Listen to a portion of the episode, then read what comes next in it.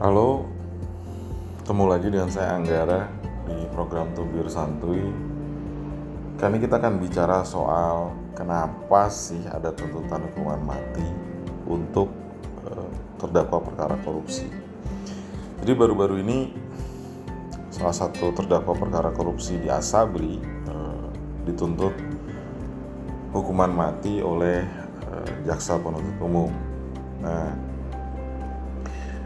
jaksaan dia menuntut mati uh, terdakwa yang bernama Heru Hidayat ini karena melanggar uh, dakwa, melanggar dakwaan ketentuan pasal 2 ayat 1 Undang-Undang Tipikor uh, dan dakwaan kedua melanggar pasal 3 Undang-Undang TPPU ya. Jadi dan dia menuntut hukuman mati. Selain menuntut hukuman mati, jaksa juga menuntut agar terdakwa membayar uang pengganti sebesar 12 miliar lebih dan kalau nggak dibayar oleh terdakwa maka dia harus diganti dengan uh, hukuman penjara paling lama uh, satu bulan. Nah problemnya ternyata dalam dalam dakwaannya uh,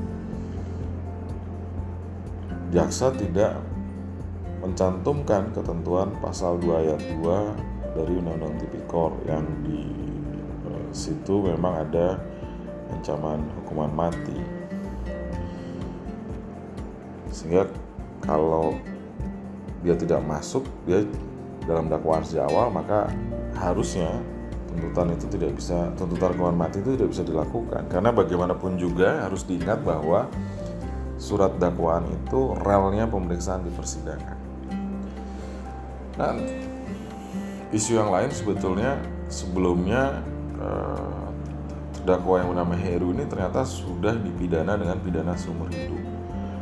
Maka sebetulnya maka dia tidak boleh sebetulnya dijatuhi hukuman mati eh, karena stelsel pidana yang kita anut seperti itu ya. Jadi uh,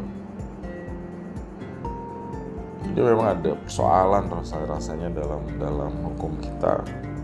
Bagaimana jaksa berupaya setidaknya jaksa agung ya uh, berupaya mengeluarkan jargon soal pidana mati tapi ada persoalan ketika berhadapan dengan kasus yang uh, nyata yaitu dalam kasus terdakwa Heru ini.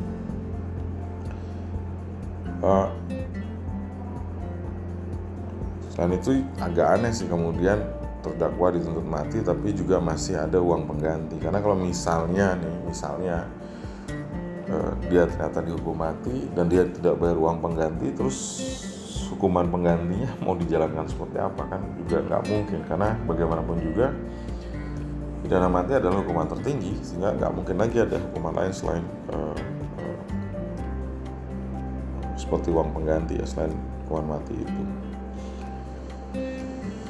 Nah banyak pihak misalnya yang yang yang menganggap bahwa hukuman mati dalam konteks korupsi itu terlampau berlebihan. Maidina misalnya peneliti dari ICGR menyebut bahwa apa yang disampaikan oleh jaksa agung untuk menuntut mati para terdakwa korupsi dan hukuman mati itu sebenarnya narasi yang populis.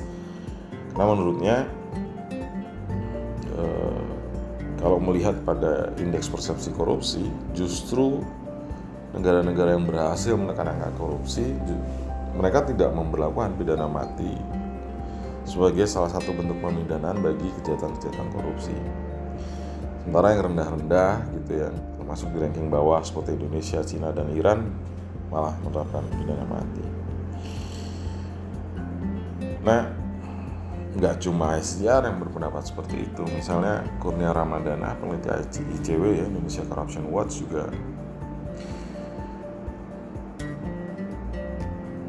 menyatakan bahwa hukuman mati tidak akan memberikan efek jerah sebetulnya untuk koruptor.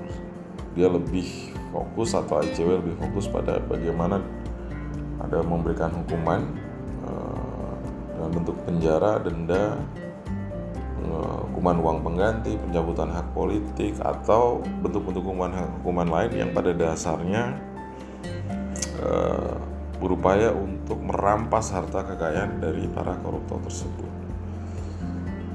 Nah, ini memang memang dilematis ya, tapi saya saya rasa saya setuju ya bagaimana mungkin gitu orang yang sudah dihukum seumur hidup.